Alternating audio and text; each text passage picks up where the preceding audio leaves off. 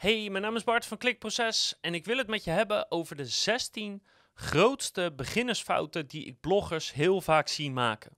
Dus in een rap tempo gaan we de 16 fouten door die jou als startende blogger weerhouden van veel verkeer, veel omzet, veel winst en gewoon het vrije leven wat je waarschijnlijk wil hebben en dat dat de reden is dat je het blog bent gestart. 16 fouten gaan ze in rap tempo doorlopen, wat er fout is, waarom dat fout is en hoe jij dat kan vermijden of voorkomen. Welkom bij Klikproces met informatie voor betere rankings, meer bezoekers en een hogere omzet. Elke werkdag praktisch advies voor meer organische groei via SEO, CRO, YouTube en Voice. Nummer 1 is dat je je website of je blog begint op het platform van iemand anders. Dus dat is in Nederland vaak een .blogspot of een .wordpress. Nooit doen. Als je een blog begint, altijd, altijd, altijd op je eigen domeinnaam. bartvandermeer.nl bijvoorbeeld, of klikproces.nl. Dat zorgt ervoor dat jij 100% eigenaar bent van alles wat je erop zet, van alles wat je ermee doet, dat je de waarde behoudt, dat je het ooit kan verkopen. Dus heel simpel, neem het van mij aan, altijd alles op een eigen domeinnaam zetten en nooit op het platform van iemand anders. Nummer 2 is dat je te weinig content produceert. Kijk, als je een blog begint, dan brengt elke nieuwe pagina brengt je eigenlijk een stukje dichter bij je doel. Elke pagina levert een klein beetje bezoek op, een klein beetje autoriteit op, een klein beetje omzet misschien op. Dus elke pagina die je toevoegt, brengt je dichter bij wat je dan ook wil bereiken. Maar dat betekent dat je flink wat pagina's nodig gaat hebben om dat doel te bereiken. Stel dat je bijvoorbeeld 100.000 bezoekers per maand wil hebben en één pagina levert gemiddeld 100 bezoekers per maand op, dan moet je 1000 pagina's gaan maken.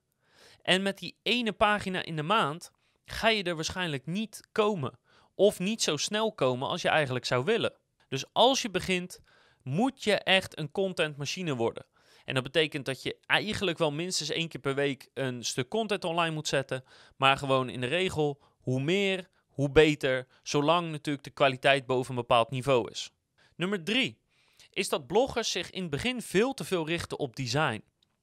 Ze uren en uren en uren spenderen aan het mooi maken van hun blog, aan die ene pixel goed zetten, aan, aan net dat ene wijzigingje wel of niet doen. En dat ze eigenlijk vooral voor zichzelf aan designen zijn.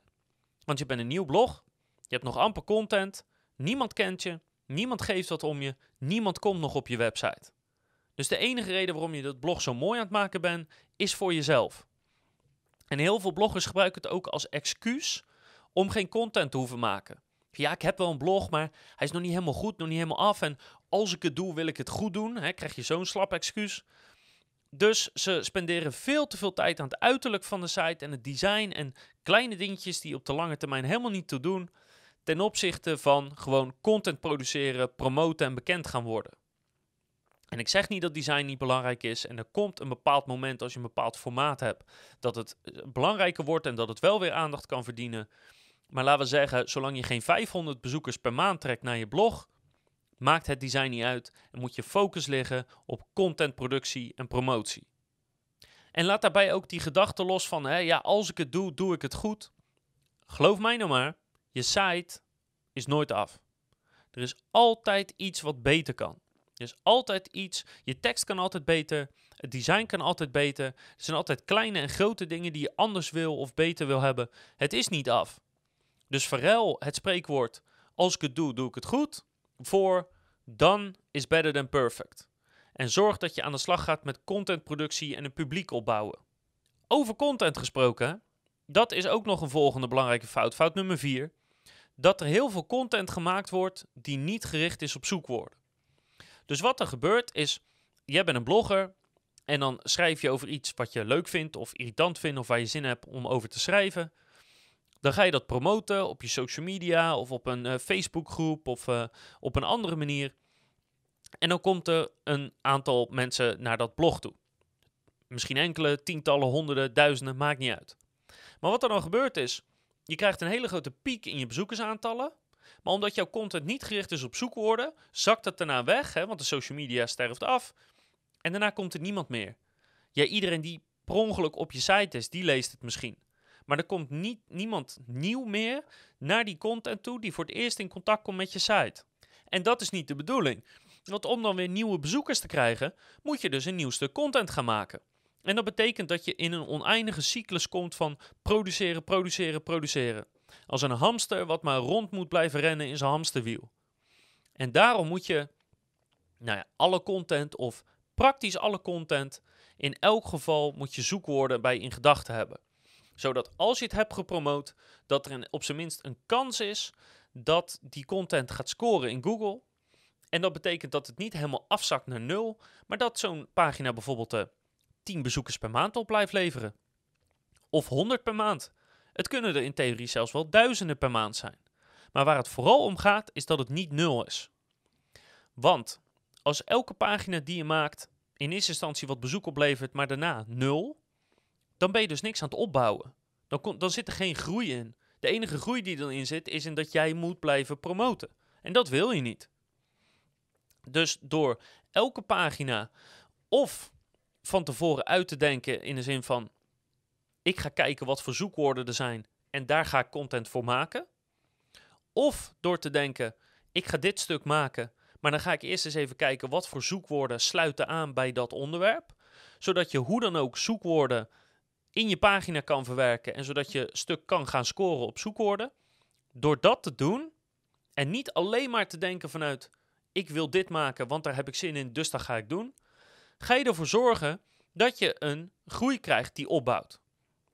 En als elke pagina bijvoorbeeld, laten we zeggen, 100 bezoekers per maand oplevert, dan betekent dat dat je, als je er zelfs maar één per maand doet, dat je aan het einde van het jaar 1200 bezoekers per maand naar je site hebt. Ten opzichte van nul die je nu hebt. Dus het is echt een cruciaal gegeven om jouw blogmachine aan te slingeren. Elke pagina of zoveel, zoveel mogelijk pagina's moeten gericht zijn op zoekwoorden, zodat ze kunnen scoren in Google en zodat ze extra bezoek op kunnen blijven leveren, waar je voortaan niks meer voor hoeft te doen. Nou, en dan vraag je je misschien af van, ja, maar hoe vind ik dan die zoekwoorden? Hè? Of, of als, ik een, als ik een idee heb qua onderwerp, hoe vind ik daar dan zoekwoorden bij? Ja, dat is even heel simpel googlen. Er zijn talloze tools of gratis tools die je op allerlei manieren um, uh, Google zoekwoorden kunnen geven en het zoekvolume wat daarbij hoort. Als je gewoon googelt op uh, Google zoekwoorden of Google zoekwoordenonderzoek of hoe vind ik zoekwoorden, uh, dan, dan krijg je dat antwoord vanzelf. Weet je, dat is niet zo ingewikkeld. En als je nou echt twijfelt of, of het helemaal niet goed weet, doe dan het volgende. Als je een onderwerp hebt waarvan je denkt, nou hier wil ik over schrijven of dat, dat is misschien wel wat, typ dat dan in, in Google en kijk bijvoorbeeld wat voor suggesties Google geeft. Die suggesties geeft Google omdat mensen daarop zoeken. Wat je ook kan doen is kijken, als ik zoek op het onderwerp, wat voor ander soort pagina's kom ik dan tegen? En dan kan je zien of er bijvoorbeeld comments op zijn, of dat die pagina veel gedeeld is, of dat er enige vorm van interactie op is. Dus het uitzoeken van zoekwoorden, ja, dat is een extra stap. En je kan even googlen om te kijken hoe je dat moet doen. Maar het is echt cruciaal als je je blog wil laten stijgen en niet gewoon continu, maar moeten blijven produceren, produceren om die bezoekersstroom op gang te houden. En nummer 5, als we het toch over uh, die content hebben, alleen maar schrijven over wat jij leuk vindt en waar jij zin in hebt, is niet een fantastische strategie. Het kan vast wel eens werken voor iemand een keer, maar het probleem is dit. Dat is niet leuk om te horen, maar dit is wel de realiteit. Niemand geeft iets om jou. Het maakt niemand uit wie je bent, wat je doet, wat je meemaakt. Echt helemaal niemand op misschien je partner en je familie en een paar vrienden na. Weet je wat mensen interesseert? Zichzelf. Dat interesseert mensen. Dus als jij content maakt en je maakt content voor een bepaalde doelgroep, moet je altijd zorgen dat er waarde in zit voor degene die het leest. En die waarde kan zijn dat ze uh, zich kunnen vinden in je content, dat ze er iets van kunnen leren, dat ze een probleem oplossen, dat ze uh, iets, iets ergens anders tegenaan kijken, dat je ze aanzet tot, tot nadenken, dat je ze gewoon vermaakt. Het kan van alles zijn, afhankelijk van je blog, maar het gaat erom dat er een duidelijke, concrete waarde moet zitten voor degene die het leest. En dat betekent dat een blog dus wel over jou mag gaan, maar dat betekent dat als je iets meemaakt, dat je dan beschrijft van oké, uh, dit was mijn gedachtegang, dit waren mijn keuzes, dit is de uitkomst. En uh, ja, dat, dat was gewoon fout, weet je, dat gaat niet goed. Dus als ik het nog een keer zou moeten doen, dan zou ik dit of dat anders doen. Iemand die dan op jouw blog komt en misschien in dezelfde gedachtegang zit of voor dezelfde keuze staat, die kan dan wat van jou leren en die kan dan een betere keuze maken. En heb je die persoon geholpen, wordt hij blij van, wordt hij misschien een trouwe volger. Dus zorg altijd dat je eerst nadenkt over wat voor waarde kan ik geven aan degene die het leest. En dan pas uh, naar jezelf gaat redeneren van oké, wat, wat wil ik doen? Kijk, en niemand verplicht je natuurlijk om dit te doen. Als je wil, kan je, zoveel, eh, kan, je, kan je alleen maar schrijven over jezelf en, en over je kinderen bijvoorbeeld. Ja, als je wil mag je doen. Alleen ik vertel je nu dat dan je blog gewoon niet groot gaat worden. Je gaat gewoon niet, geen trouwe volgers krijgen. Je gaat dan gewoon niet, ja, je gaat gewoon niet groot worden. Want mensen willen weten, wat heb ik hieraan? Ten opzichte van jij die alleen maar zendt. En kijk maar bijvoorbeeld naar hè, dit YouTube-kanaal of de podcast die je luistert of het blog wat je leest, is er een goed voorbeeld van. Aan de ene kant ehm, probeer ik dingen over SEO te vertellen omdat ik dat gewoon leuk vind en elke dag mee bezig ben. Uh, en dat geldt natuurlijk voor conversieoptimalisatie in YouTube en Voice ook. Maar ik doe het op een manier dat hopelijk jij daar een hoop aan hebt. Net zoals je nu bijvoorbeeld uh, tips krijgt voor startende bloggers om te voorkomen dat je zometeen nou ja, mislukt als blogger of dat je het opgeeft of niet meer ziet zitten. Dus ik probeer je te helpen. En dat doe ik door aan de ene kant dus iets te delen wat ik zelf ja, leuk vind en veel mee bezig ben. Maar ik doe het op een manier dat hopelijk jij er iets aan hebt, een hoop van leert en daarmee succesvoller wordt. Nou, jij blij, ik blij, allebei winnaars.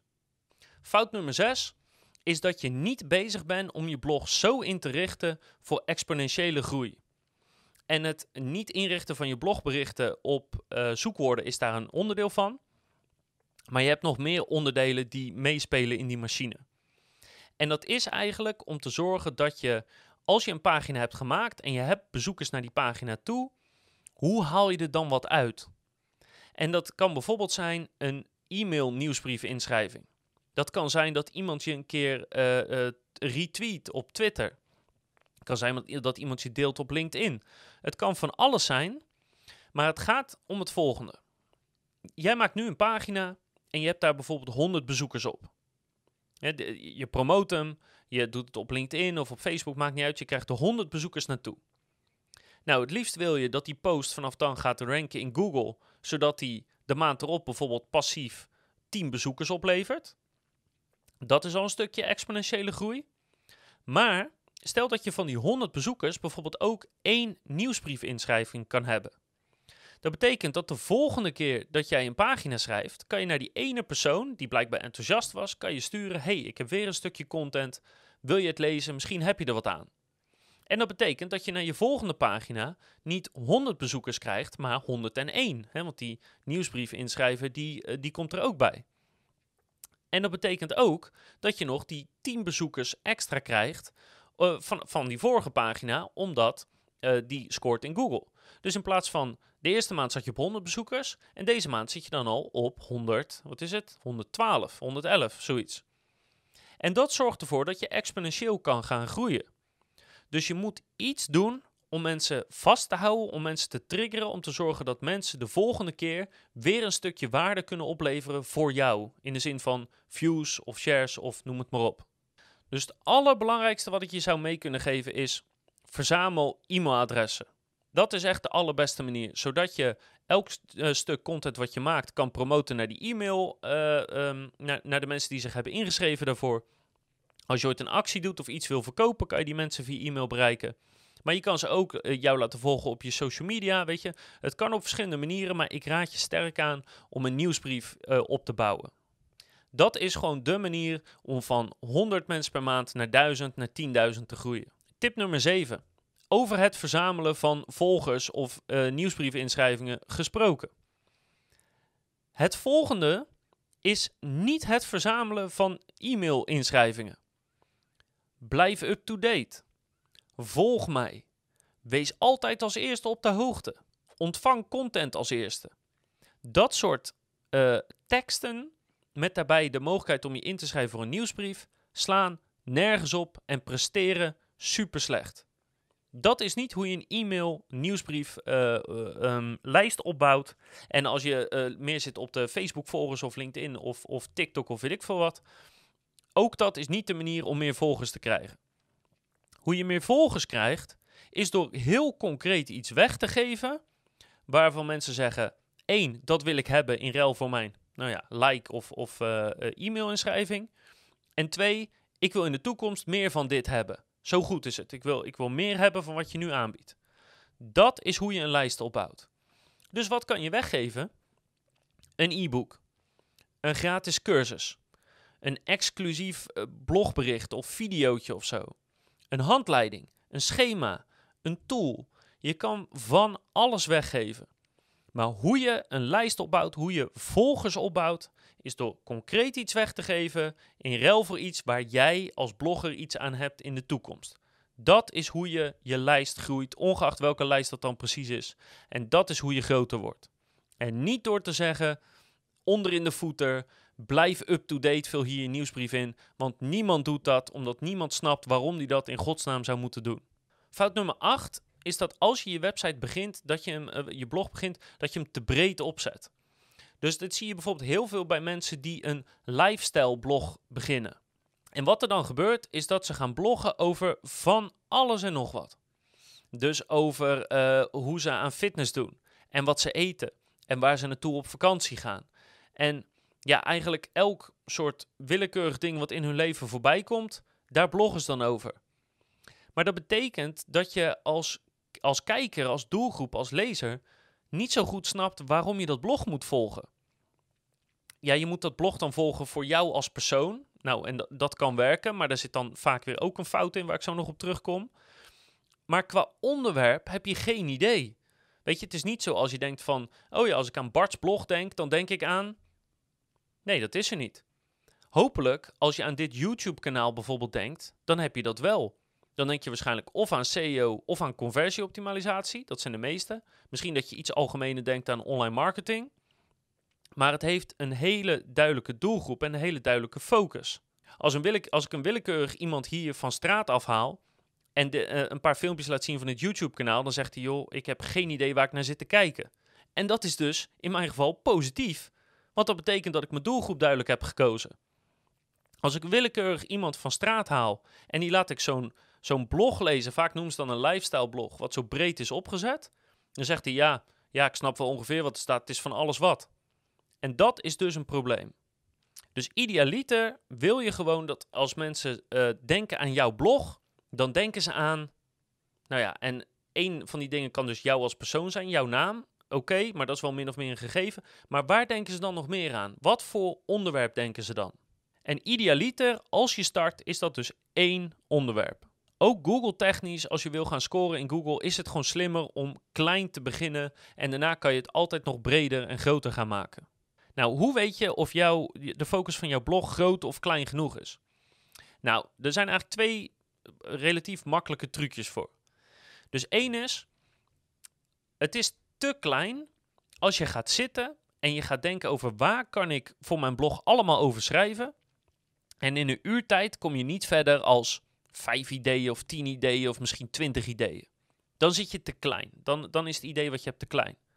Daarentegen, als je een uur gaat zitten en je kan een uur non-stop ideeën spuiten. Hè? Je komt zo wel op, op, laten we zeggen, op duizend ideeën in een uur tijd. Dan is het veel te breed. Dan is het echt veel te groot. De sweet spot zit, zit in de honderden en een beetje aan, aan de onderkant. Dus laten we zeggen dat je in een uurtijd iets van 2 tot 300 ideeën kan verzinnen over jouw niche. Dan zit je supergoed, want dan heb je voorlopig content zat om te maken. Maar aan de andere kant is het niet zo dat, dat je willekeurig maar alles erop kan zetten. Dus dat is eigenlijk een soort een simpele oefening hoe je een beetje met een vuistregel kan bedenken: zit ik goed qua niche of niet? Een andere manier is om te gaan kijken naar zoekwoorden. En uh, dan moet je dus uh, even een, een tool dus of zo voor pakken. En dan ga je kijken, als ik gewoon eens wat zoekwoorden intyp, wat voor mijn gevoel past bij mijn site, kom ik dan heel veel zoekwoorden met heel veel volumes tegen? Of zit ik bijvoorbeeld zo beperkt dat ik bijvoorbeeld maar uh, 100 zoekwoorden vind, waarbij de volumes veel beperkter zijn? Dus ook dat is een manier om je niche eigenlijk te verkleinen. Dus laat ik even concreet zeggen. Bijvoorbeeld, hè, je hebt marketing. Nou, marketing, om dat als onderwerp te nemen voor je blog, is extreem breed. Zou ik niet aanraden. Daarbinnen heb je dan bijvoorbeeld weer online marketing. Nou, online marketing is nog steeds heel erg breed. Zou kunnen, maar zou ik niet aanraden. Nou, binnen online marketing heb je dan weer verschillende vakgebieden. Dus hè, zoals bij ons, conversieoptimalisatie, SEO, YouTube, voice. Maar je hebt natuurlijk ook Google Ads, Facebook Ads. Een van die onderwerpen zou al supergoed zijn om een blog over te beginnen. En dan denk je van, waar gaat het blog over? Over SEO. Waar gaat het blog over? Over Facebook advertenties. Oké, super, dat kan al een goede niche zijn. En soms kan je daarbinnen, kan je weer, kan je zelfs nog meer een niche vinden. Dus als je bijvoorbeeld Facebook advertenties hebt, kan je zeggen, oké, het blog gaat niet alleen over Facebook advertenties, het gaat om Facebook advertenties voor webshops. Of Facebook advertenties gericht op een bepaalde doelgroep. Of voor een bepaalde branche. Zo specifiek kan je het zelfs maken. En aan de hand van de zoekvolumes die je tegenkomt in zo'n tool, kan je bepalen of dat uh, slim is of niet. Dus bijvoorbeeld als we het hebben over het vakgebied van SEO, kan je dat eigenlijk dus opsplitsen in technische SEO, eh, content en linkbuilding. Maar linkbuilding aan zich kan al een groot genoeg topic zijn voor een blog. Op het woord linkbuilding zoeken een paar duizend mensen per maand. En er zijn heel veel gerelateerde zoekwoorden aan.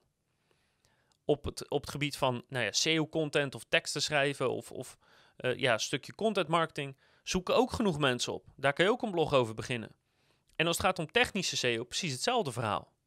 Dus dat is een manier hoe je een beetje met zoekvolumes kan kijken hoe ga ik steeds specifieker en specifieker zitten totdat ik een ja, sweet spot heb gevonden. Ik zal nog één laatste voorbeeld geven. Uh, bier kan bijvoorbeeld een niche zijn. Je kan een, een, een, blog hebben over bier. Op zich is dat goed. Want dan denk je, ja, waar gaat de blog over? Ja, over bier. Oké, top. Maar je kan hem nog specifieker maken. Dus je zou nog kunnen zeggen, nee, ik ga het niet over alle bieren hebben, maar bijvoorbeeld over één merk. Of over alleen maar speciaal biertjes. Of over alleen maar bier wat uit een bepaald land komt. Dus zelfs bier zou je nog specifieker kunnen maken. En dan zegt iemand, hé, hey, waar gaat dat blog over? Ja, dat gaat over al het bier wat uit Spanje komt. Of ja, dat gaat alleen maar over Heineken bier. Op die manier moet je dus een beetje gaan denken. En de grootste fout die je dus echt kan hebben is dat je hem veel te breed te algemeen opzet. Nummer 9, en dit komt heel veel voor, is heel simpel. Jouw content is oppervlakkig. Het spijt me dat ik dit moet zeggen, maar je content is gewoon niet goed. Het is gewoon oppervlakkige dingen die je of zelf uit je mouw hebt geschud, maar waarschijnlijk dacht je aan een onderwerp, googelde je erop, pakte je een paar tips van de dingen die je tegenkwam en hoppakee, je hebt een nieuw blog. Dat klopt, je hebt wel een nieuw blog. Maar dat blog is eigenlijk precies hetzelfde als alles wat nu al in Google scoort. En niet alleen op pagina 1, maar ook op pagina 2 en 3. Je content is gewoon oppervlakkig, simpel, 12 in een dozijn. En als je heel eerlijk bent, verdient het gewoon helemaal niet om zoveel aandacht te krijgen. Dus wat kan je er nu aan doen? Nou, één is, je kan gewoon heel duidelijk jouw expertise in een blog stoppen. Dat zou ik sowieso aanraden. Maar stel dat je geen expertise hebt, dan kan je gewoon beschrijven: hey, ik ben met dit onderwerp bezig, ik ben het uitzoeken hoe het zit. Dit is wat ik tegenkom. Dat kan ook een vorm van expertise zijn. Maar er zijn heel veel andere manieren om je blog gewoon niet oppervlakkig te maken, om het gewoon diepgaander te maken. Je kan het gewoon heel persoonlijk maken. Je kan het heel erg schrijven zoals jij bent of zoals jij vindt dat het moet zijn. Je kan je eigen foto's toevoegen. Alsjeblieft, het is 2020. Stop met het gebruik van stokfoto's en schiet gewoon zelf wat foto's. Die hoeven niet perfect te zijn. Het hoeft niet heel veel tijd te kosten. En als je de producten of dingen niet hebt, kan je als je wil zelfs een winkel inlopen om daar een foto te schieten. Vraag het alsjeblieft wel van de eigenaar van de winkel voordat je dat doet. Maar eigen foto's maken scheelt gewoon al zoveel. Maar je kan juist hele lange teksten maken en diepgaand of juist heel kort. Je kan humor erin gebruiken. Je kan heel serieus zijn. Je kan het op honderd verschillende manieren doen en alles is beter dan het gewoon oppervlakkig houden. Dus denk gewoon eens na van oké, hoe blogt iedereen over dit onderwerp of hoe bloggen mijn concurrenten en hoe kan ik dat anders doen en iets wat bij je past. Je wil niet weten hoe vaak ik al de opmerking heb gehad van ja Bart, jouw video's en blogs en podcasts zijn te lang. Ja, ze zijn ook lang. Want dat is mijn stijl. Ik wil namelijk, als ik iets uitleg, wil ik het diep gaan doen. En wil ik het goed doen, in elk geval voor mijn gevoel. En wil ik iemand zoveel mogelijk waarde geven. En als je dat te lang vindt duren of mij te langdradig vindt, dan ben je niet mijn publiek. En dan moet je lekker naar een ander blog gaan waar wel een 5 minuten samenvatting staat, maar waarbij je eigenlijk als je klaar bent, voor mijn gevoel, nog steeds niet weet wat je nou moet doen of hoe het zit. Dus ik heb duidelijk gekozen voor een stijl die bij mij past en waarvan ik weet dat mijn publiek er wat aan heeft. En dat kan je ook doen. En het maakt niet uit of je het nou hebt over SEO of over kussens die op een bank liggen. Alles kan je zeg maar maken zodat het bij jou past en zodat je publiek het uh, uh, waardeert. En zodat je onderscheidend bent van alles wat op dit moment scoort in Google. En begin alsjeblieft gewoon met goede eigen foto's te maken, want dat kan echt letterlijk iedereen. Nummer 10 is dat jouw bloggen een slechte voorkant hebben. En met een slechte voorkant bedoel ik hetgeen wat de meeste mensen als eerste zien en wat bepaalt of ze gaan lezen of verder gaan lezen of niet. En dat is je titel, je foto en je beschrijving, CQ je inleiding. Want als je namelijk iets deelt, bijvoorbeeld op LinkedIn of op Facebook of in Slack, dan zie je die paar dingen. een thumbnail of een foto, een titel en een stukje beschrijving. En dat is het. Dus dat bepaalt voor een extreem groot gedeelte of mensen jouw stuk gaan lezen of niet. En zelfs als ze op een link klikken die ze bijvoorbeeld door hebben gekregen, dan is dat ook het eerste wat ze zien en dat bepaalt of ze de pagina gaan lezen of niet. Dus daar moet tijd in zitten, daar moet aandacht in zitten. Dat is niet iets waarbij je je blog schrijft en dan op het eind alleen maar even een titel verzint en even een afbeeldingje maakt of schiet. Besteed alsjeblieft tijd aan de voorkant van je blog. Titel, beschrijving en foto. Als je dat consequent doet, ga je gewoon veel meer klikken en veel meer aandacht krijgen voor al je uh, teksten die je schrijft. Nummer 11, ja, we beginnen weer uh, opnieuw, is uh, de verwachtingen die je hebt.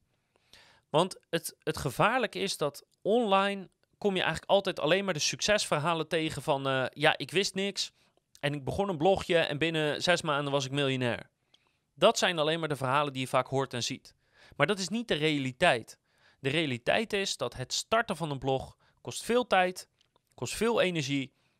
En ga er even vanuit dat na drie maanden, als de, de honeymoon uh, phase uh, voorbij is, hè, als het leuke er een soort van af is, dat het dan aan gaat komen op wilskracht en consistentie.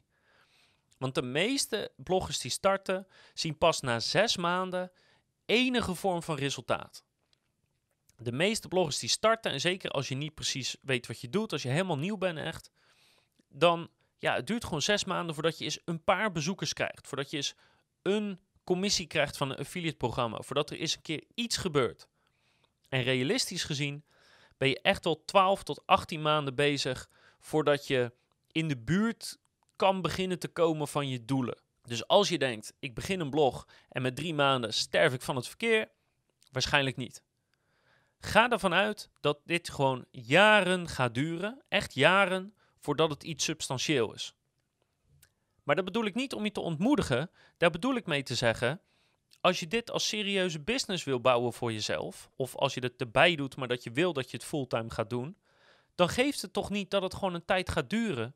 Dat is toch ook niet raar? Het zou toch raar zijn als iedereen zomaar een blog begint en huppakee. In drie maanden ben je steenrijk. Weet je, dan zou iedereen het toch doen. Zo, zo werkt het toch niet? Omdat het jaren duurt om het op te bouwen, is de kans ook groot dat het niet zomaar weg is. En dat je er jaren op voort kan borduren zonder dat je er zoveel tijd en energie in hoeft te steken. Maar echt, geloof me tijdlijn, zes maanden heb je überhaupt, begin je iets aan resultaat te krijgen. En 12 tot 18 maanden heb je zeker nodig om enigszins significante resultaten te boeken. En natuurlijk zijn er manieren om dat te versnellen of kan je een keer geluk hebben, maar dat is wel de realiteit voor de meeste mensen. Nummer 12.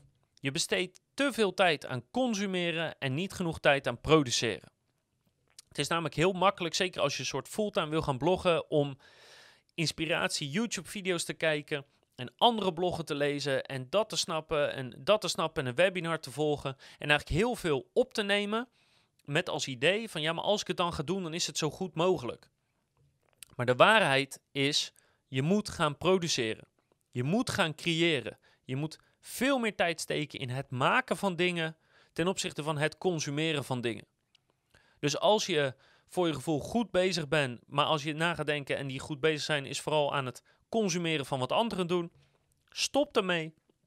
Echt per direct en ga produceren. Dat is wat jouw resultaat gaat geven. Nummer 13 is dat je de illusie hebt dat er een punt is dat het af is, voor zover het bestaat. Er is namelijk gewoon geen punt dat je site af is. Er is altijd, hè, je content kan altijd beter, je design kan altijd beter. Er is altijd een volgend niveau. En dat is top, want dat betekent dat je altijd ergens anders heen kan groeien. Maar ehm, dan, dan weet je dus ook dat als je bijvoorbeeld van jezelf vindt dat je heel erg perfectionistisch bent, dan heb je wel een probleem. Want er is geen perfecte staat. Er is geen punt dat het af is. Er is altijd nog iets te doen. Dus je kan altijd doorgroeien naar een volgend niveau. En wat jij nu in je hoofd hebt, wat een soort het maximum haalbaar is, of wat mooi zou zijn als je dat haalt. Niet alleen kan dat, echt, ik garandeer je, wat je droom ook is, het kan. Er is ook weer een niveau daarboven. Dus laat het varen dat je denkt dat het op een gegeven moment af en klaar is. En vind plezier in het doen en in de reis en in de constante groei en de constante uitdaging die je voor jezelf kan zetten om de lat nog hoger te leggen. Nummer 14, we zijn er bijna, is dat je niet intern linkt. En laat ik daar heel even kort over zijn. Elk blog wat je online zet, dan moet je vanuit dat blog intern linken naar andere bloggen die je geschreven hebt, die gerelateerd zijn aan wat je hebt geschreven. Dus als we bijvoorbeeld iets gaan schrijven over uh, de luiers verwisselen van je kind. En je hebt al een eerder een blog die gaat over dat je een specifieke luier gereviewd hebt. Dan moet je die nieuwe blog naar het oude blog gaan laten linken. Want je wil onderwerpen die gerelateerd zijn aan elkaar, aan elkaar gaan koppelen. Het tweede wat je moet doen als je een nieuwe pagina online zet, is dat je dus terug je website in moet en moet kijken, hey, wat heb ik al geschreven wat past, hè, wat gerelateerd is aan die nieuwe pagina. En dan moet je vanuit de oude pagina naar de nieuwe gaan linken. Op die manier maak je een soort spinnenweb van je website. En alles wat gerelateerd is aan elkaar, alles wat met elkaar te maken heeft, is met elkaar verbonden. Dat gaat je heel erg helpen om bezoekers heen en weer te sturen tussen pagina's en om hoger te scoren in Google. Nummer 15, de ene laatste, dat is linkbeelden. Of eigenlijk gewoon niet linkbeelden. Want linkbeelden is lastig en moeilijk en vervelend en kost veel tijd. En als je dat ook nog bovenop je content moet doen, dan kan het zorgen voor ja, vermoeidheid of dat je denkt, daar heb ik geen zin in. Maar jouw blogmachine bestaat voor een deel uit content, maar eigenlijk voor een deel ook uit het verzamelen van backlinks. Dus als je niet weet wat linkbeelden is, even heel simpel gezegd, linkbeelden is het proces van ervoor zorgen dat een andere website jou noemt en naar jou linkt, naar jouw website linkt. Even ongeacht welke pagina of op welke manier specifiek. En dat zorgt ervoor dat Google eigenlijk ziet dat jouw website populair is. Want die denkt, hey, een andere website linkt naar jou. Hey, nog een andere website linkt naar jou. Die website zal wel iets goed doen. Het is alsof je heel veel stemmen krijgt tijdens een verkiezing. Dus wat je eigenlijk moet doen, is je moet een machine hebben van aan de ene kant blijf je content maken en toevoegen, zodat je site blijft groeien. Maar aan de andere kant blijf je ook backlinks verzamelen, zodat je populariteit, zodat je autoriteit in de ogen van Google blijft groeien. En als je die twee dingen steeds op een hoger niveau doet, of er steeds meer van hebt, dan gaat je site het vanzelf beter doen. Even heel gechargeerd gezegd. Dus wat je eigenlijk voor jezelf zou moeten inbakken als proces. Ik ben een blogger, dus elke week zorg ik dat er minstens een pagina bij komt. En elke maand zorg ik dat ik minstens één zo'n linkje verzamel. En als je niet weet hoe dat moet, geen probleem. We hebben een pagina met meer dan 100 verschillende manieren hoe je die linkjes kan verzamelen. Dus wat dat betreft geen, uh, geen probleem. Ik zal er even heen linken ook. Maar dat zijn de twee dingen die je moet doen. Content maken en het promoten daarvan. En met een, uh, als deel een doel om een backlink te verzamelen. Als je die twee dingen constant doet, meer content, meer backlinks, dan ga je groeien. Dat staat gewoon vast. En als laatste tip, tip nummer 16, dat is de valkuil dat je de Yoast SEO plugin installeert en dat je denkt dat als je alle bolletjes op groen hebt, dat je dan je SEO goed op orde hebt. Kijk, als je een beginner bent, dan raad ik je 100% aan om de Yoast SEO plugin te installeren. Is gewoon een hele goede plugin om je de basis van je artikelen goed te krijgen, uh, Google technisch gezien. Maar onthoud dat dit de basis is. Dat de Yoast SEO plugin een middel is om een beetje te snappen van wat je wel of niet moet doen. Maar één, die plugin is verre van perfect. Verre van. En twee, het is een middel om het doel te bereiken. Dus je doel is niet om al die bolletjes op groen te krijgen. Je doel is om een artikel te maken wat goed scoort in Google. En dat betekent dat, ja, je kan die Yoast SEO plugin die heel veel gebruikt wordt, kan je in het begin gebruiken om een beetje te leren van oké, wat moet ik doen om een artikel goed te krijgen? Maar sta je daar niet blind op? Sta je niet blind op wat zo'n simpel toeltje jou vertelt? Dus zorg ervoor dat je zelf blijft nadenken van wat voor soort pagina wil ik maken, wat wil ik allemaal beschrijven, hoe wil ik dat doen. Ja, en als Joost dan op rood staat of op oranje staat, dan is dat maar pech, want dit is de pagina zoals ik hem graag wil hebben. Dat is echt een fout die we heel veel zien, want het is heel makkelijk om je blog te starten met de Joost SEO plugin en, en dan ja, een goed begin te maken. Op zich is daar niks mis mee, maar weet wel dat deze tool, deze plugin niet heilig is. Het is een hulpmiddel die je kan helpen om te starten, maar je moet zorgen dat je er boven groeit, dat je slimmer wordt dan die plugin. Dan ben je echt goed bezig. En dat zijn ze. De 16 meest voorkomende beginnersfouten van beginnende bloggers. Dus als je je blog hard wil laten groeien, vermijd deze fouten dan. Ik heb je, als het goed is, overal een oplossing voor gegeven. Of je moet zelf nog even een beetje googlen. En dan kan je dit voorkomen, vermijden of oplossen. En zorgen dat jouw blog, poef, omhoog gaat. Als je dit interessant vindt, vergeet niet dat we ook een case study aan het draaien zijn. Hoe we een blog van 0 naar 33.000 bezoekers per maand krijgen in één jaar tijd. Dus dan zou ik zeker die video's of podcast even opzoeken. Laat even een likeje achter.